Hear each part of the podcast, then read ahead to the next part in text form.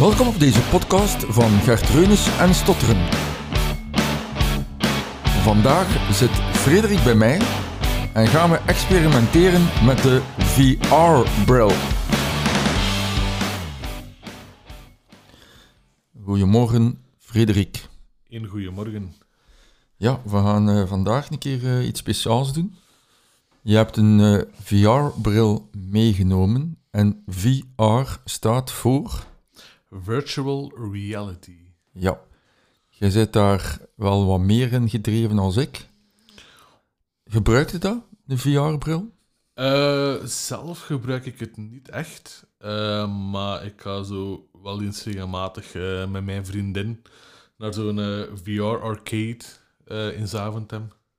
Ja. Dus er is wel een zekere interesse. Ja. Nu even iets helemaal anders. Jij stottert ook, net als ik. Ja, Je bent mijn lotgenoot. Ja. Ja. Ehm, ja, Frederik, maar vooraleer dat we over VR-brillen gaan praten en de software daar rond, en jij stottert ook een beetje. Ja, inderdaad. De laatste jaren veel beter dan vroeger.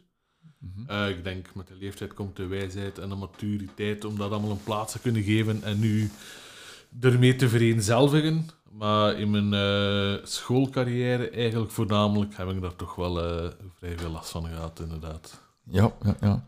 En wat moet ik mij daarbij voorstellen? Veel last mee gehad, want dat is zo zeer abstract, hè?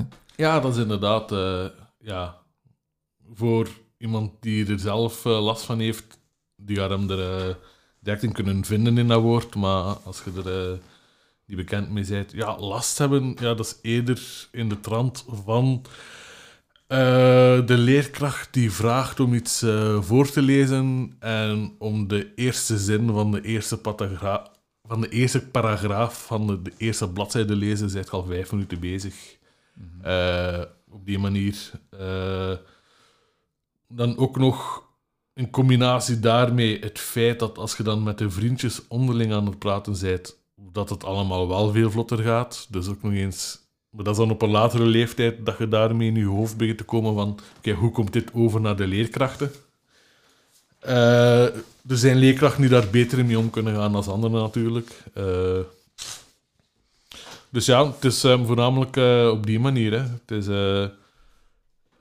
ja, de beperking die je hebt om actief deel te nemen in de les. Ja, je bent ook beperkt. En je weet het antwoord als de leerkracht een eh, klassikale vraag stelt, maar ja, je durft je vinger niet op te steken omdat je het, eh, denkt dat je het antwoord niet gaat kunnen zeggen. Ook al weet je het op die manier. Mhm. En heb je vroeger eh, logo gevolgd voor je stotteren? Ja, de eerste keer was denk ik als ik vrij jong was, maar daar herinner ik me eigenlijk niet zoveel niet meer van, behalve dat dat voor de Euro was. En daarna ging ik naar de Euro om de agressie te gaan afwerken van de logo, denk ik. Ik weet het niet. Eh, maar daar herinner ik me niet zoveel meer van. En dan, ik denk, eh, rond mijn 11, 12 jaar bij een logopediste eh, uit Hamme zelf, die me eigenlijk ja, grotendeels dezelfde technieken aanleert die jij mij nu aanleert daaraan toegevoegd met het middenrif gegeven voor de ademhaling, maar ook voornamelijk iets trager praten, eh, het verlengen van klinkers in het begin of het aanslepen, die zaken. Maar ja, op die leeftijd, je stelt ook niet de vraag, ja, maar waarom zijn die technieken? En ja, je doet dat wel, je doet dat twee jaar. Dat helpt eigenlijk niet zo superveel in de lessen, eh, had ik toegemerkt. Eh maar ja, je neemt dat wel mee. En ja, en toen ik dan hier kwam, heb ik eindelijk de waarom-vraag Ja, maar ik wou eerst vragen, waarom zij op latere leeftijd... Hoe oud zijn je nu, Frederik? Eh 37, bijna 38. Ja, ja. Ja. nog geen 40. Net niet. En begin, het leven begint op 40. Eh, ja, Zo is het. Dus je hebt nog twee jaar, je mag nog twee jaar aanmodderen en dan begint het echte leven. als ik dan nog echt moet gaan beginnen, dan ben ik al goed, eh, dan heb ik me toch wel goed geamuseerd. Nee, maar waarom zijn je nu eh, weer op eh, logopedie gekomen? Eh, het was eigenlijk door eh, zoveel zaken, door eh, de goede aanmoediging van mijn vriendin. Zij heeft u gestimuleerd. zij heeft mij inderdaad gestimuleerd, omdat zij heeft mij maar leren kennen toen ik, ik denk, 5, 26 was. Dus hij heeft nooit niet echt geweten hoe ik vroeger stotterde in de klas. Ook meer in het algemeen, met vreemden, in winkels, bestellingen, weet ik veel wat. Uh, zolang dat het niet in uw beperkte vriendenkring was of uh, in mijn familiale kring, ja, eens dat ik daar buiten ging, was het wel moeilijker. Zij heeft dat nooit niet echt meegemaakt. En ja, zo af en toe als ik zo'n keer een telefoongesprek moest sturen of als ik met recruiters aan het bellen was in het Engels, ja, dan merkte zij wel van, oké, ja... Ja, want wat is eigenlijk uw job? ik ben Java-developer, uh, softwareontwikkelaar. Ja. Um, consultant uh, en uh, in-house develop op het moment. Maar je bent ook gewoon een laadbloeier, hè? Ja. ja Zou je ja. die anekdote kunnen vertellen van als je naar de hogeschool ging? Allee, anekdote, ja. Ja, nee, dat is uh, niet echt een anekdote. Ik ben gewoon op mijn 30 jaar voltijds terug gaan studeren. ook onder aanmoediging van mijn vriendin. Zij heeft mij die kans gegeven om uh, drie jaar eventjes ons leven op pauze te zetten. Want ja... Maar waarom zijn je niet op je 18 jaar gaan studeren? Uh, ik heb dat geprobeerd. Uh, ik heb dat twee maal geprobeerd. De eerste maal zat ik nog met mensen die ik kende in de klas ook op de hogeschool, wat dat altijd handig meegenomen is. Niet veel mensen maken dat mee. En toen ging ik wel nog altijd naar de lessen, maar het studeren op zich, dat kwam me niet door. en het tweede jaar, dus ik moest dan de meeste vakken opnieuw doen. Uh, ja, zat ik niemand niet meer in de klas die ik kende. Uh, het verhaal begon weer eenmaal opnieuw. Uh, je moet je voorstellen, de mensen lachen als je blijft hangen. Je voelt dat ze achter je rug bezig zijn over je blikken, wijzen. Ja, wat dat, er, wat dat er zo raar is, zoiets zouden vermoeden van ja, dat gebeurt in de middelbare scholen. Maar in de hogescholen of universiteit is iedereen toch rijper, slimmer. Ja, maar er moeten maar één of twee rotte appels tussen zitten en die trekken de rest een beetje mee. Ja. Dus ik denk dat dat op die leeftijd uh, nog vrij normaal is. Zeker in die tijd, denk ik. Ik weet niet of dat ondertussen veranderd kan zijn dat uh, de jeugd uh, martuurder geworden is. Maar op, een bepaald moment dat je zegt, ik ga niet meer naar school. omwille ja. van het ja. uitlachen van die medestudenten. Ja, ik had zoiets van, ik moet niet. Uh, ik kan ook gewoon gaan werken. Uh, ik moet het mijn eigen niet aandoen van in zo'n penibele, moeilijke situatie te gaan, te gaan kruipen. En ik ben dan maar gewoon gaan werken. Ja. En zou ik mogen weten wat voor job je dan, of wat voor jobjes dat je dan allemaal gedaan hebt? voordat ik aan studeren ben, heb ik eigenlijk twee jobs gedaan. De eerste job was uh, courier voor een um, fotolaboratorium. Uh, dat is heel leuk. Ik krijg heel graag met de wagen. Dus ik vond niets leuker dan 500, 600 kilometer doen uh, per dag. vaste routes rijden. Vaste mensen waarbij dat je kwam, je die kennen. Ik heb dat vier jaar gedaan. Was kei leuk. Maar door de digitale fotografie... ja, is natuurlijk de markt van de filmrolletjes ophalen en naar het laboratorium brengen om te ontwikkelen een beetje ingeduikt, dus is weggevallen. En dan ben ik ja, bewakingsagent geworden voor uh, groep 4. via een vriend, die zochten bij Eandis zochten ze nog een uh, bewakingsagent voor toegangscontrole, aansturen technische diensten voor, ja, ik denk meer dan 100 gebouwen en terreinen van Jandis. Uh, toegangscontroles, uh, brandbeveiliging, aansturen technische diensten als er ergens mankementen waren. Dus ja, het was wel iets uitgebreider dan gewoon de statische bewakingsagent. Moest wel een beetje zelfstandig kunnen nadenken hoe daar dus. Maar ja, het was een beetje een dead-end job. En dan een vriendin mij aangemoedigd om toch maar terug te gaan studeren. Ja, en daar waren we dan gebleven, dus je bent dan terug gaan studeren. En uh, nu zit je terug op logopedie. Ja. Uh, maar zij heeft u daarvoor aangemoedigd. Had zij dat niet gedaan, had jij dan waarschijnlijk geen logopedie gedaan? Uh, ik zit er al zelf heel lang mee bezig van, oh, misschien moet ik toch maar iets terug gaan doen. Maar zeg zo de laatste stap nemen, ja, die heb ik nooit niet echt uit mijn eigen genomen. Mm Daar had ik wel een duwtje in de rug voor nodig. Ja, ja, ja, ja. Ik wou nog eventjes weerkeren in uw jeugd. Dus je hebt judo gedaan. Ik heb ook een jaar judo gedaan. Ja, uh, ik denk dat bij mij ook ongeveer een jaar was. Ja. ja.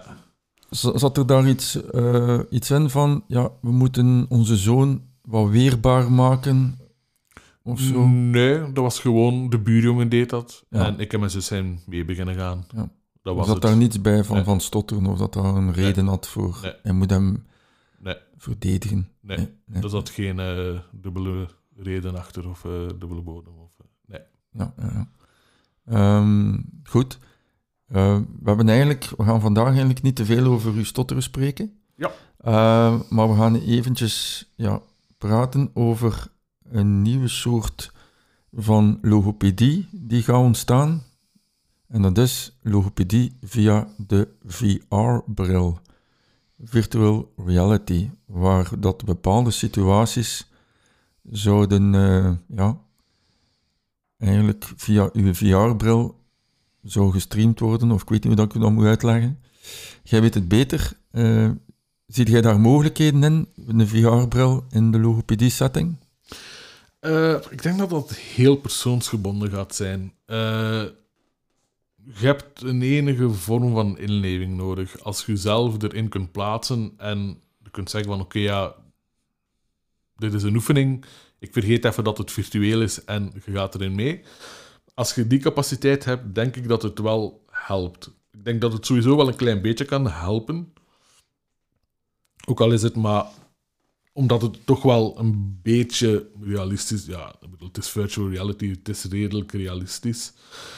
Eh, maar voor mij persoonlijk, eh, ja, ik kan mij niet erover zetten, omdat ik eh, weet gewoon, ja, het, is niet echt. Ja. En waardoor dat het automatisch ja, een toneeltje is dat je opvoert en ja, dan gaat het automatisch Ja. beter. Maar je hebt zo een aantal situaties waar dat je zou van zeggen, ja, moesten we die situaties naspelen via de VR-bril, bril, bril, klinkt Engels, bril, VR-bril.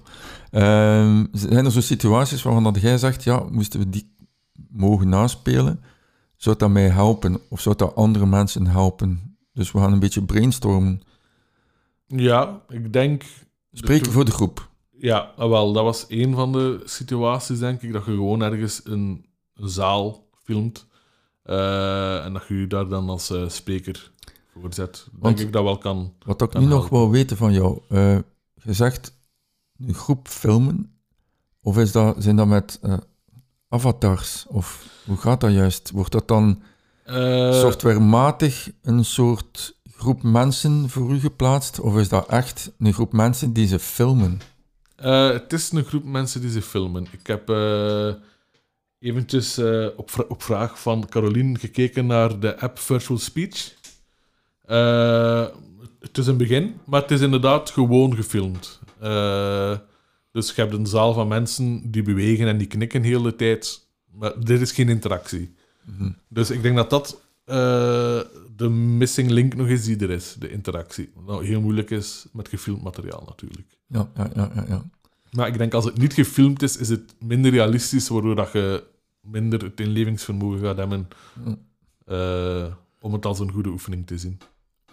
Dus het ideale zou zijn eh, softwarematige, eh, een softwarematige situatie maken waar dat je de mogelijkheid hebt van er gaat iemand een vraag stellen of er is iemand plots aan het lachen met u of dus, dus als op een knopje drukken en, en dat iedereen dan lacht met jou bijvoorbeeld. Ik zeg maar iets, hè. Ja, ja, op die manier dat je dat... Maar ja, je moet dat dan natuurlijk reactief kunnen doen op hetgeen dat gebeurt. Ja, Eh, als je het allemaal ingeprogrammeerd van na ene minuut gaan we applaudisseren, ja nee, nee. na twee minuten gaan we Ik bedoel, lachen. er moet dan iemand zitten Ja, En die heeft dan zo een aantal knopjes en die heeft dan de mogelijkheid van ik ga een aantal reacties Ja. geven Ja, bijvoorbeeld. ik denk op die manier, eh, als je dat met twee personen bent, om een beetje interactie te kunnen eh, nabootsen, denk ik dat het toch al iets realistischer kan zijn. Ja. Zijn er nog situaties waarvan dat je zegt, kijk, zoiets zou wel goed zijn met een VR-bril? Ehm, ik denk interviews en sollicitatiegesprekken. Dat, omdat je dan automatisch met een hogere stress eh, zit. Of ja, ik durf het niet echt stress, zenuwen. Eh, denk ik dat het ook wel goed kan zijn als je dat kunt oefenen. Hetgeen dat nog ontbreekt in die virtual speech is, ja, ze stellen één vraag en geantwoord. Ze stellen een volgende vraag en geantwoord. Maar je moet zelf nog aanduiden om een volgende vraag te stellen. Als je dan inderdaad weer ergens interactie kunt eh, inbouwen, dat ze een waarom vragen of een hoe doe je dat dan vraag, om zo iets korter op de bal te spelen, denk ik dat dat ook wel nog een goede oefening kan zijn. Maar als je dan met twee bent, ja, dan kun je even goed gewoon met twee gaan pinballen. Eh, het voordeel van zo'n virtual reality app is, ja, je kunt daar vier, vijf mensen zetten die u aan het interviewen zijn. En de ene kan al eh, enthousiaster eh, naar u kijken dan de andere natuurlijk. Ja, ja, ja, ja. Ik denk ook bijvoorbeeld het rijtje afgaan eh, in uw voorstellen, zo dat rijtje afgaan. Ja, En je ziet dan eerst Ja. zo'n aantal. ja. Dat is ook een goede situatie die, die meestal wel oefening kan gebruiken, denk ik. Maar je zei er iets heel belangrijks. Ja, ik geloof daar dan niet in als ik die VR-bril opzet. Je moet al heel veel inlevingsvermogen hebben. Ja, of, heel laten, veel is... of je laten gaan. ja, heel veel is nu niet echt veel gezegd, maar ik, ik weet van mijn eigen, ik ben me daar op die moment te bewust van dat het een oefening is. Eh, ik heb dat toen met die app eventjes geprobeerd en ja, ik kon mij er niet over zetten, ook, ja, ook deels te maken met de kwaliteit van de dingen. Het was wel gefilmd, maar het was allemaal heel 2D. Dus Mhm. het was allemaal heel plat. Eh, maar ik heb ook al eh, een virtual reality eh, escape room gedaan. Ja, het leek alsof dat ik 45 minuten bezig was, maar achteraf zei dat we twee uur gespeeld hadden. Dus je kunt u er wel in kwijt geraken in de virtuele wereld, maar dan moet het goed gemaakt zijn. Ja. Of het moet leuk zijn. Of het moet leuk zijn. Ja. Ja, ja, inderdaad. Ehm, ja, in de klassieke logopedie, als ik dat dan zo moet noemen, ja, spelen we dan rollenspelletjes live. Ja, Of hebben we onze VZW, hè, waar dan we spreekweekenden doen, waar dan we met 50 mensen samenkomen en ro- rollenspellen spelen, of ons voorstellen aan elkaar, of voor de groep spreken. Ehm, ja, ik blijf erbij dat een echte rollenspel is natuurlijk nog niet de echte wereld, maar de VR-bril, ik weet het niet. Ik heb mijn twijfels rond VR-bril zoals jij. Ehm, misschien voor sommigen zou dat helpen, maar niet voor iedereen, denk ik. ik denk, het is sowieso beter dan voor een spiegel oefenen, denk ik. Mhm, Als je een sollicitatiegesprek wil oefenen, Ja, als dat iets beter uitgewerkt is dan in die virtual speech, denk ik dat het wel. Het is, het is niet representatief, maar het kan wel helpen. Als basisoefening, omdat het gewoon iets realistischer is dan gewoon voor een spiegel je interviewgesprek te oefenen. ja, je moet dus echt wel reacties krijgen. Hè? Er moet, er moet reactie en interactie zijn Ja. om het realistisch te maken. Ja. Ook al zijn het maar gewoon non-verbale reacties. Iemand die eh, zijn wenkbrauwen fronst, bijvoorbeeld. Of zo van die Ja. dingen. Of iemand die een beetje begint te lachen als je last hebt van een stotter of zo. Ja. Op die manier. Ja. Eh, maar dat is nu misschien wel nog in te bouwen. Ergens Ja. via eh, triggers. Als die detecteert dat er een lange pauze valt, dat er iemand begint te lachen of zo. Maar Mhm. dan moeten die beelden goed verwerkt worden en over elkaar geplaatst worden rap. Ja, we gaan nog wat verder ehm, brainstormen.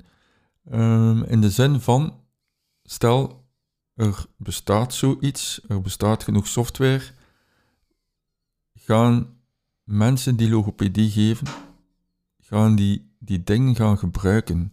Maar heb jij zo'n idee van, eh, zou dat gebruikt worden dan, als er zo'n software bestaat? Ik denk als het nut bewezen wordt, ja, dan hangt het gewoon van de persoon zelf af. Of dat hij daarin wil meegaan of niet. Hè. Er En- moet dus een onderzoek gebeuren naar hoe gevoelig dat het dan zijt voor zo VR-reacties, VR-situaties bedoel ik. Eh, niet echt of dat je daar gevoelig voor bent, maar of dat de applicatie die er dan zou komen, dat die effectief zijn nut kan bewijzen. Hm. Nu, ik denk wel dat hij zijn nut gaat hebben, maar Ik zag ooit een keer op, eh, was op Nederland, dan hadden ze een aantal mensen een VR-bril opgezet en die zijn echt gevallen. Dus die vielen dan echt. ja, ja.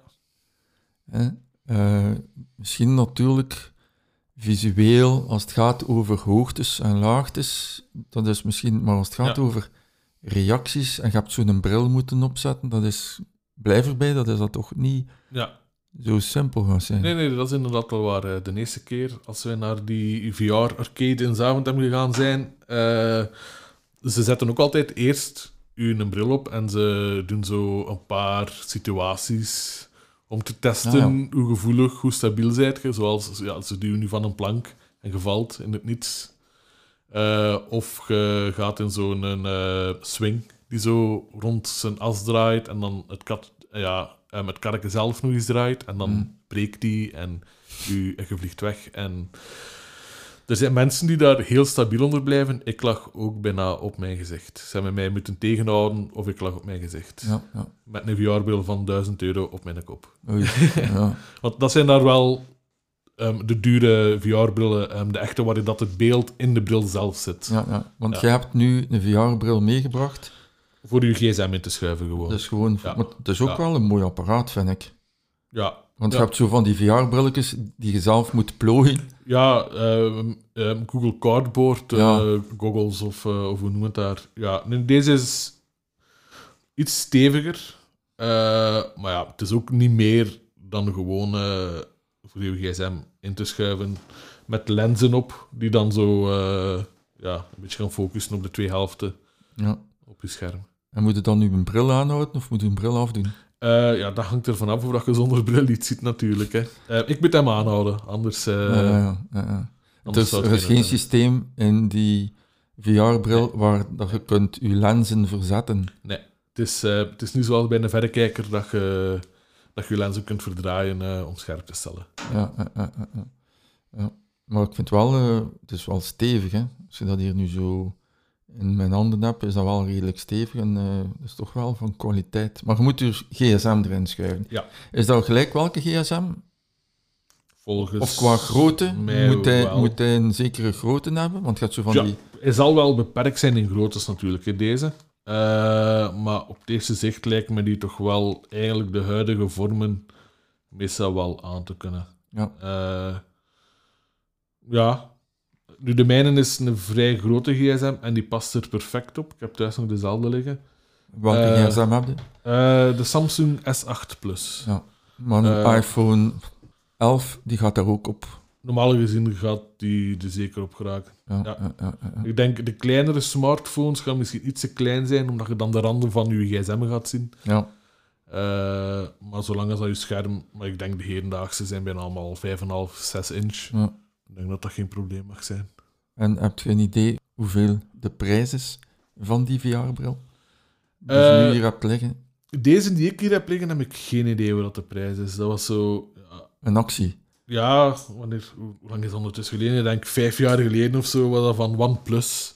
Ah, dat is al Eh, vijf jaar geleden. Ja, was Ja. dat een actie die, omdat die onder de nieuwe gsm in de VR-wereld gingen voorstellen, kon je gratis een VR-bril bestellen. Je moest alleen de verzendkosten betalen. Ja. Dat was 5 euro, dus... De OnePlus, dat zijn Chinese gsm's volgens mij. Hè? Ja, inderdaad, een Chinese Ja. merk. En die Ja. gelijken zeer goed op de iPhone, dacht ik. Eh, Allee, qua, qua mogelijkheden. Of zijn ze zelfs... nee, ik denk dat je ze eerder kunt vergelijken met een Samsung, want het is ook Android. Ja, Eh, ja, die zijn op de markt gekomen als zo de, eh, de, ja, de eh, hoe noemen ze dat, de flagship killer. ja, Eh, dezelfde mogelijkheden als de gsm's van ja, op die moment 700, 800 euro voor 250, Ja. 300 euro. ja dat, was, dat was een iPhone toen 900 en dan voor zo'n One Ja. was 400 of zoiets. Ja. De eerste OnePlus was 290 euro. Mooi. Ja. Nog een stuk goedkoper. Ehm, je hebt er nu software bij? Op je gsm staan? Eh, ik heb normaal gezien die applicatie nog steeds staan, de Virtual Speech. Ja. Virtual Speech. Ja. En eh, leg een keer uit aan de luisteraars wat dat in de app juist gaat doen. Eh, ja, zoals gezegd, die app plaatst u in bepaalde situaties. Je hebt een paar opties. Eh, ik weet je niet meer allemaal van buiten. De twee die ik getest heb, was een ehm, conference room. Ja. Dan staat je voor een publiek en moet je gewoon spreken. Ja. Eh, en de andere was een sollicitatieruimte. Er zitten dan vier, vijf mensen achter een tafel voor u. Oké. En eh, Maar als je, die, als je nu die, die app opstart zonder een bril, zie je dat dan ook? Of moet je een bril hebben? je ziet het ook, maar uw scherm wordt in twee helften In gedeeld. twee hè. helften gedeeld, ja. Ja. Ja. Oké, we gaan een keer experimenteren. Hè. Je mocht een keer eh, uw app opstarten. Ja. Dus nu eh, is Frederik bezig, druk bezig met zijn app op te starten. En- Oké, want ik heb het nog niet gezien, moet eerlijk toegeven. Ik ga gewoon continue. Ik ga geen... Eh, regular mobile headset, voilà, heel standaard. En dan, oké, maar het nadeel is wel, dus die draait mee. Dus als ik nu mijn gsm naar u draai, Ah, heeft ja. niet veel zin. Eh, Je zit dus in een soort ruimte waar dat er mensen... kijken. Eh, je komt eigenlijk in een soort van ruimte terecht. Ik kan nog eens gewoon opnieuw opstarten, zodanig dat je kunt meekijken. Ja. Eh, je komt in een soort ruimte terecht, ja, en dat is uw menu eigenlijk. Je krijgt zo'n wall te zien met allemaal verschillende mogelijkheden. Eh, het enige nadeel is, om een eh, selectie te doen, moet je op je scherm duwen. En deze headset heeft spijtig, ja, deze VR-headset heeft eh, geen optie om een eh, vingerdruk te gaan simuleren op je scherm. Dus je moet hem er altijd een klein beetje uitschuiven En dan Op- drukken. op je scherm drukken naar waar je aan het kijken bent. Ja. Want, want dat is uw, ja, uw, uw muiscursor eigenlijk. Ja. En op die manier doet je dat. Dus als ik dan hier keer probeer te gaan naar een conference room, denk ik dat ik aan het selecteren ben. Ja. Ah ja, Dan zie je inderdaad dat je gewoon voor een zaal zit en dat je kunt een spreken. gefilmde zaal. Een Een gefilmde volle zaal met allemaal... eh, Ja, waar dan mensen heel braaf zitten te kijken. Ze bewegen wel, je ziet dat. ja, Ehm, ze kruisen hun benen eens, eh, ze wrijven eens in hun zaar. Maar meer interactie dan dat is er eigenlijk niet. Dus, zou je een eh, keer uw gsm in die VR-bril willen schuiven? Jazeker. Om een keer te kijken. Want nu zie ik het op afstand, zonder VR-bril. Ja. Het lijkt wel... eh, Zo. Het kan zijn dat je hem een beetje gaat moeten eh, links en rechts schuiven. Dat moet Ja. je maar zien. En je hoofd gaat je moeten draaien, omdat die, ja, die gaat... Ah ja, ja, ja, prachtig, prachtig, prachtig. Dus je ziet inderdaad, de mensen, zitten mensen op hun laptop bezig. En als ik naar rechts kijk, ja, oké. En die inderdaad aan het knikken zijn. Dus het is wel al degelijk. ja, Eh, het is wel degelijk, vind eh, ik. het is redelijk realistisch. eh, maar, maar je moet je erin kunnen inleven. Ja. Eh, ja Dus- en ik, denk wel, ik vind het inderdaad wel prachtig. Hè. Eh, Ja. En ik denk dat dat inderdaad heel persoonsgebonden gaat zijn. Of dat je ja, je gaat kunnen inleven en zeggen van dit is een oefening. En dat je ja, ja. dat als goede oefening gaat kunnen gebruiken. Nu vraag ik me af, als dat filmpje van uw zaal om de vijf seconden hetzelfde filmpje wordt, je weet, een loopje is, dat het zo in een loop zit, hè. Ja, ja, ja. Dan gaat het om een duur zo dat ook. Dus het zou moeten, als je een half uur speech geeft, zou het de audience die er zitten, al die mensen zouden in feite een half uur moeten gefilmd geweest zijn dan. Want nu zie ik altijd om de zoveel seconden is er een man die iets drinkt, eh, is er een Ja. meneer die een keer eh, knikt, Ja. en dus om de zoveel seconden, maar ja. En Maar het geeft dat is wel, wat ik al, bedoel. het geeft wel een mooi idee van, ja kijk, als ik naar boven kijk, kijk ik, ja, dan zie je inderdaad, ja. ja. Maar dit is nog vrij basic. Ja, ja, ja. ja, Ja. tof. Want dat gaat nu, er is nu iemand in Gent die eh, een firma aan het opstarten is eh, en daar volop eh, software voor aan het maken is. Ehm, en ik vroeg aan hem, want we gaan met hem ook wel nog eens een gesprek doen. Het is wel iemand van Londen, Ehm, maar hij woont nu in Gent. Dat is ook weer al fantastisch. Dus we gaan voor hem ook onderzoek doen. We gaan cliënten in zo'n situatie plaatsen en een keer analyseren. En dan ook een vragenlijst van, ja, voel je je gespannen, geleek het op een echte situatie, enzovoort, enzovoort. Dus ehm, ja, maar ik vind wel, het zal zeker iets, eh, een extra hulpmiddel zijn voor onze logopedie. Ehm, het is zoals ik zei, het is, het is niet realistisch genoeg om een vervangmiddel te zijn, om echt te denken van ik sta hier in een zaal en ik eh, heb dezelfde ervaringen en dezelfde zenuwen. Maar het is in ieder geval wel een pak beter dan voor de spiegels te staan oefenen. Ja, Dat sowieso. ja, ja. Maar het echte blijft nog altijd het echte. Ja, ja, ja. sowieso. Zou jij meegaan naar een spreekweekend? Want je bent eh, nog nooit mee geweest naar een spreekweekend. Zou je dat... Of zeg je, nee, voor mij hoeft dat niet. Ik heb daar niet veel nood aan. Aan andere mensen die stotteren om een keer die te ontmoeten en, eh, en daar... Nee. Nee, ik denk dat dat wel leuk kan zijn. Ja. Ja, omdat ja, er zijn zoveel verschillen ook mhm. in ja, hoe dat mensen het ervaren. Ja, want mensen gaan nu ook wel zeggen: Goh, eh, hier is er weer iemand die eh, een uur vol praat met weinig of geen stotters. Ja. Hoe gaat dat nu zo met u spreken hier nu? Hier nu, Ja. ça va. Ja. Het, gaat, het gaat vrij goed. Ja. Ja. Vrij goed is nog een understatement. Hè? Ja, maar, maar ik merk dat het echt wel beter en beter gaat. Ik heb nu deze week weer eh, voor, eh, voor een consultancyopdracht een paar interviews gehad. Ik heb zelfs deze week voor de eerste keer in het begin gezegd van... Kijk, ik heb soms een beetje last van een stotteraar. eh, van een stotter. Je Eh, weet dat woordje stotteraar, dat is iets dat ik Ja. niet kan horen. hè. Een mens die stottert, hè. we zijn eh superveel en dan hebben we een klein beetje stotteren. Hè. ja. Ja. En ja, dat geeft wel een rust, Mhm. als je dat zegt. Eh dan moet ik je 100%... Ik heb het nu de eerste keer gedaan. eh, ik denk dat ik het nog ga doen.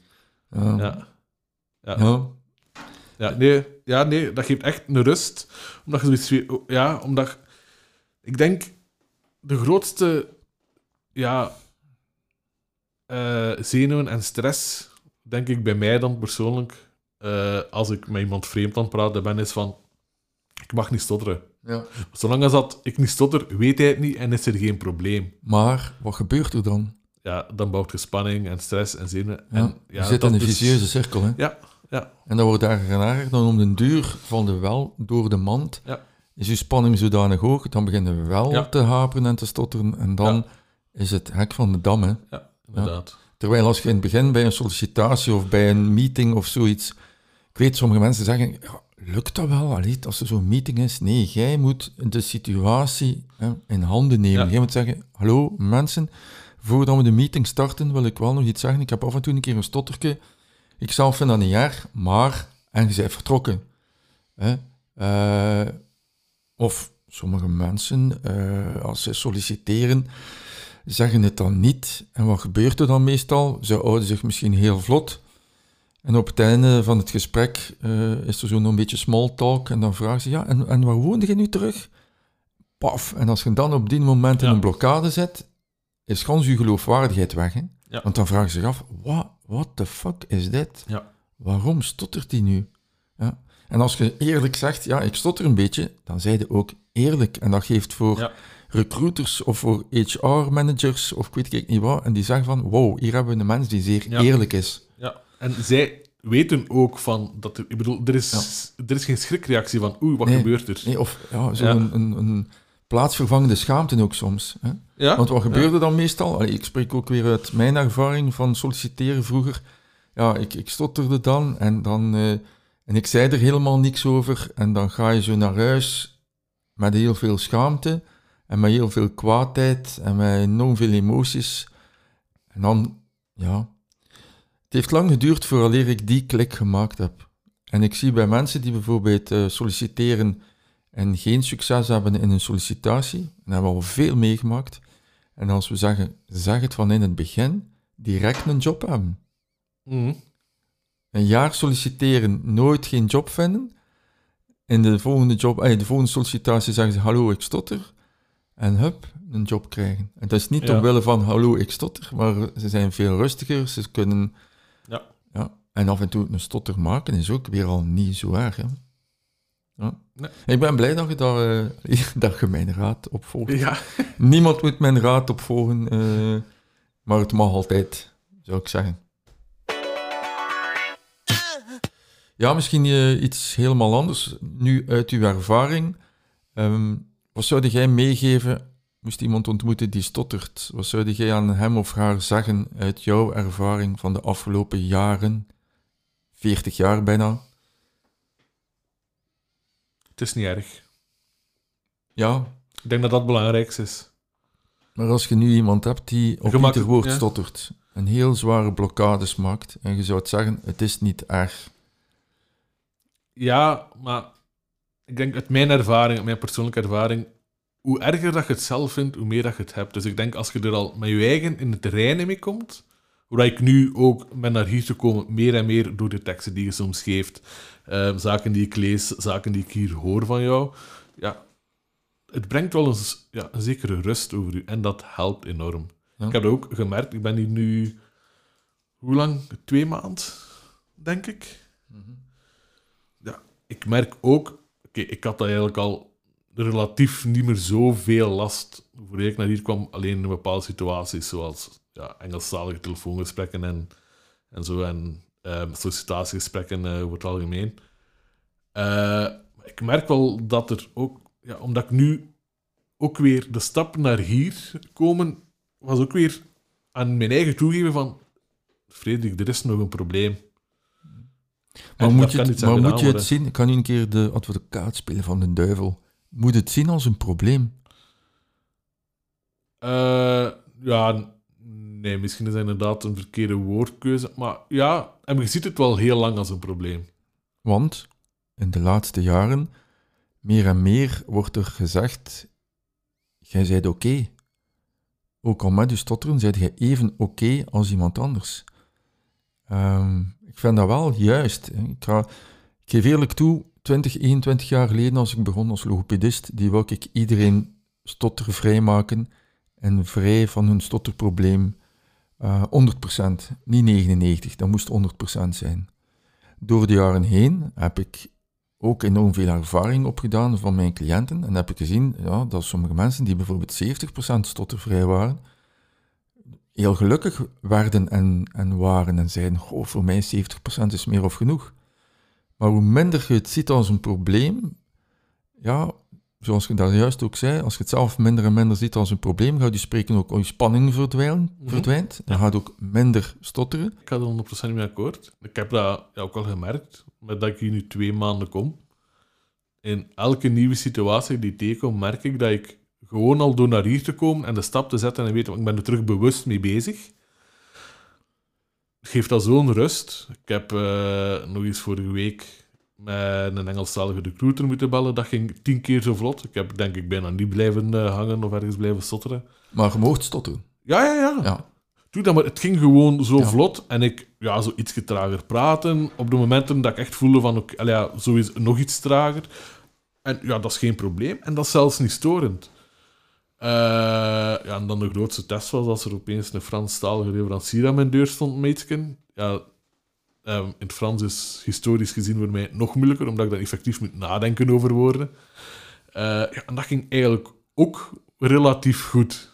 Mhm. Dus ja, ik merk ook al gewoon de rust van, van weten van je bent er mee bezig en ja, je bent ermee in het terrein met je eigen van oké, ja. Op die manier. Heeft het stotteren u gemaakt of u gekraakt? Ik denk vroeger gekraakt, maar nu gemaakt. Ja. Er zijn in je jeugdjaren zijn er moeilijke momenten dat je door moet. Sowieso. Ook al heb je geluk, zoals ik had, van goede vrienden te hebben, zijn er altijd moeilijke momenten dat je door moet. En ja, die durven nu soms wel eens kraken. Ja. Maar leer, je leert... allee, ik heb zo het idee gehad dat ik... eh, ik heb ook veel moeilijke momenten gehad, maar die moeilijke momenten maken u harder. Sterker. Relativistischer, is dat een woord? Ja. Ja, ik kan heel goed relativeren. Relativeren. Ja. Ja. Ja. Relativistischer. Dat is ook eens in een woord. Misschien is dat een nieuw woord. Ja, ja. Oké, Frederik, je hebt een nieuw woord. eh, Voilà. Ja. Dit is mijn, eh, mijn daad voor, het, eh, voor de mensheid, een nieuw woord uitgevonden. Ja. ja, maar als je zo situaties in je jeugd meemaakt, dat, dat maakt u wel. Hè? Ik zeg niet dat kraakt u, ik zeg dat maakt u. Eh, als je dan het ganse plaatje ziet, achteraf. Op het moment zelf zal het niet leuk zijn. Op het moment zelf gaat je misschien zelfs ja, enorm veel emoties hebben. Wenen, Nee, nee, maar... kwaad zijn, frustratie. Nee, Maar maar als je het ganse plaatje ziet, ja, dat maakt u wel inderdaad tot de persoon die je uiteindelijk wordt. En ja, meestal Meestal uit mijn ondervindingen van ja, het beperkt aantal mensen zijn dat meestal heel zachtaardige mensen geworden. Is Hoe dat... bedoel je? Hoe bedoel je? Ja, ja, heel brave mensen waarmee dat je weet van daar ga ik bijna nooit geen problemen mee hebben. Je omgeving bedoel je? Nee, nee. eh mede mensen die stotteren. Ah, de medemensen die stotteren. Ja. Ja, Ik had het Ja. eventjes fout. Ja. Ja. Ja. Van de mensen die ik eh, persoonlijk ken, of hier heb leren kennen, altijd indruk dat zijn meestal ja, heel zachtaardige mensen, die, die, ja, die, die gewoon goed weten wat dat ze willen, meestal. Mhm. Ja. Ik heb ja, nog heel weinig douchebags, stotteraars, om het nu toch te labelen, tegengekomen. Ja, maar ik zie veel mensen die omwille van hun stotteren een zekere, ja, hoe zou ik het moeten omschrijven, met hun voeten op de grond staan. Als je niks meemaakt in je jeugd, zijn je veel breekbaarder. Begrijpt je wat ik daarmee wil Ja, ja, zeggen? ja. ja. Als je nu niets meemaakt in je leven, hè, in je jeugd, je hebt een goede klas, alles loopt goed, alles Ja. fantastisch, fantastisch. Als je dan een keer een tegenslag ja, krijgt... je moet ja. nooit een keer niet vechten, je moet nooit een keer niet... hè. En dan gebeurt er iets. Er zijn veel jonge mensen die het nu heel moeilijk hebben. In de lockdown en zo. En als ik aan mijn cliënten of mijn lotgenoten vraag, hoe gaat het? Dan zeggen ze, oh ja, er zijn veel erger dingen in het leven, hè. Ons stotteren bijvoorbeeld. Ja, Maar als je niks meemaakt en dan is er plots zoiets van, oh, ja. Neem niet aan, je bent terug vijf jaar en je mocht zelf de knop omdraaien. Stotteren of niet stotteren. Je mocht de knop inzetten zoals dat jij wilt. Wat zou jij doen? Zou jij zeggen, laat mij maar weer stotteren en alles meemaken wat ik meegemaakt heb? Of zeg je, nee, nee, nee, nee, liever dan niet stotteren. Want dan ga ik misschien iemand anders zijn of worden. Of had ik vroeger een job gehad, enzovoort, enzovoort. ik zou toch optreden voor niet stotteren, gewoon uit nieuwsgierigheid van... What if? Ja. Wat Zou had er dan van mij ge- wel, geworden? zou je verder gestaan hebben Dat in ik leven? niet. Dat weet ik niet. Dat weet je niet. Ja. Je weet niet in waar richting dat je leven... Misschien, ja, doordat je die komt je met andere mensen in contact. Dat kunnen ook de verkeerde mensen zijn. Voilà. Dus Ja. je weet het niet. Dus ik ben heel tevreden met hoe dat mijn leven uitgedraaid is. Ja. Maar ik ben, en ik denk dat de meesten dat wel zouden hebben, van toch een beetje nieuwsgierig van, what if? Ja, dat is juist. Wat Want ik, er heb een beetje mijn, gekomen? want ik heb een beetje mijn levensfilosofie is... Ja, je leven moet leven. Geen leven, je leven dat je krijgt. Je leven wat dat je krijgt, moet je leven. En wat dat er op je eh, levensweg geworpen wordt van leuke dingen, minder leuke dingen, moet jij ja, iets mee doen. Hè. Inderdaad. En ik denk ook iemand die stottert op een bepaald moment in zijn leven actie onderneemt. Veel meer actie onderneemt als iemand die niks meemaakt in zijn leven. Dat kan. Dat kan. Als ik, zo ja. zie naar... Ja, we gaan een heleboel mensen interviewen. goh, dat, dat zijn allemaal... Ze hebben allemaal iets van hun leven wel gemaakt. Of ja, iets, iets extreems zelfs gedaan. En dat is misschien van, we willen ons bewijzen. Want iets was niet goed in onze jeugd. En nu moeten we dat veranderen, en nu moeten we ons bewijzen, wat dat eigenlijk ook niet nodig is. Maar van mij zei ze altijd, ja, waarom zijn je logopedist geworden? En zij logopedist geworden, want je wou je bewijzen van, voilà, spreken is niet moeilijk, spreken is goud. Dat kan. Ja. Zou jij niet graag logopedist geworden zijn nu zo? Nee, ik denk niet dat dat iets voor mij zou geweest zijn. Jij zit liever achter je klavier. Ja, ja, ja. Mij Software maken. eh, designen en eh, ontwikkelen. Ja. Ja. Zijn jij extravert of introvert? Eh, ik ben extravert in beperkte kring. Ja. Het is niet dat ik heel de zaal moet, eh, moet, eh, moet bespelen, maar bij mensen die ik goed ken en bij vrienden rond de tafel of zo, zal ik meestal wel ja, de, de aanwezige zijn. Want op je job, je vorige job, waren wel Het springend veld. Meestal als ik twee weken verlof heb me had gehad, dan zijn de collega's wel, amai, het was hier stil. Ja. We hebben gemerkt dat speciaal, je hè? er niet waard. Ja, ja. ja want dat zouden eigenlijk in het eerste zin niet verwachten van iemand die stottert. Hè. Ja, ja, maar bij mij is het zo, als ik mij bij mensen op mijn gemak voel, ja, dan, dan heb ik daar zeer beperkt last van. Ja. Ja. Want dat is zo'n beetje het cliché beeld van iemand die stottert, is, is zwijgzaam, stil, het muurbloempje, enzovoort, enzovoort. Maar uiteindelijk, in vele gevallen is dat juist niet waar. Hè? Eh, nee. En dat Nee, begint zelfs al in de jonge jaartjes, hè, in de klas, de kloon uithangen, Ja. opvallen. Ik heb eh, veel speelleden gemist, omdat ik eh, de, gestraft was. de medestudenten rond mij deed lachen of, of te veel afleiden van de les, inderdaad. Ja, ja, ja. We zouden zo kliniekclowns moeten worden. ja. Dat is nu misschien net een stap te ver. Maar... Ja.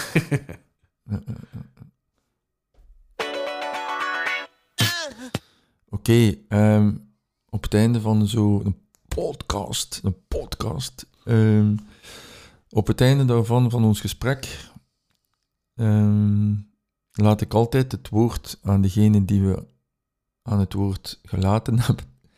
Dus ook ga- een heel raar zijn. Nee, ik ga, ik ga anders zijn. We gaan iets anders zijn. Ja, Frederik, wij gaan nu u aan het woord laten en ik ga niks meer zeggen. Wat wil je nog zeggen aan uw lotgenoten? Oei. Ja, nee, daar ben ik geen goeie voor. Omdat ik daar zelf ja, de laatste jaren zo weinig mee bezig ben geweest, eigenlijk. Dus ja, ik zou het niet weten. Eh, het is minder een issue als dat je zou denken. Eh, hou je vast aan je, juist, aan, ja, aan je vrienden. Aan de juiste omgeving. Uw verhaal was ook wel interessant over die VR-bril. Vond ik ook interessant. En voor u ook, voor, eh, voor een keer te luisteren, hoe goed dat je zo gesproken hebt, dat is wel, eh, was niet slecht, hè. Nee, het ging, het ging vrij goed. Ik heb af en toe gevoeld dat er de stotter was, maar ik denk niet dat die, dat die er echt doorgekomen zijn. Ja, en als ze er zouden doorgekomen zijn, ja. Dan nog. Ja. ja. Ik vind u ook wel een beetje een voorbeeldfiguur. Zo.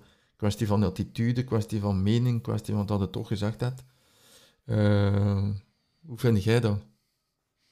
Van mij maar, ik heb daar geen probleem mee. Jij bent al zo ver.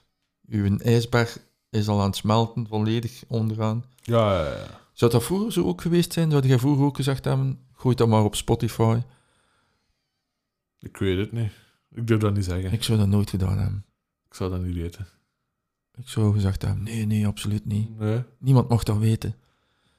nee, dat maakt mij niet uit. Maar ja, ik ben nu wel iemand die zelf vrij veel naar podcasts luistert. En ik denk gewoon het feit dat ik zelf dan in de podcast zou gezeten hebben, denk ik dat dat wel eh, leuk is. Ja. Super.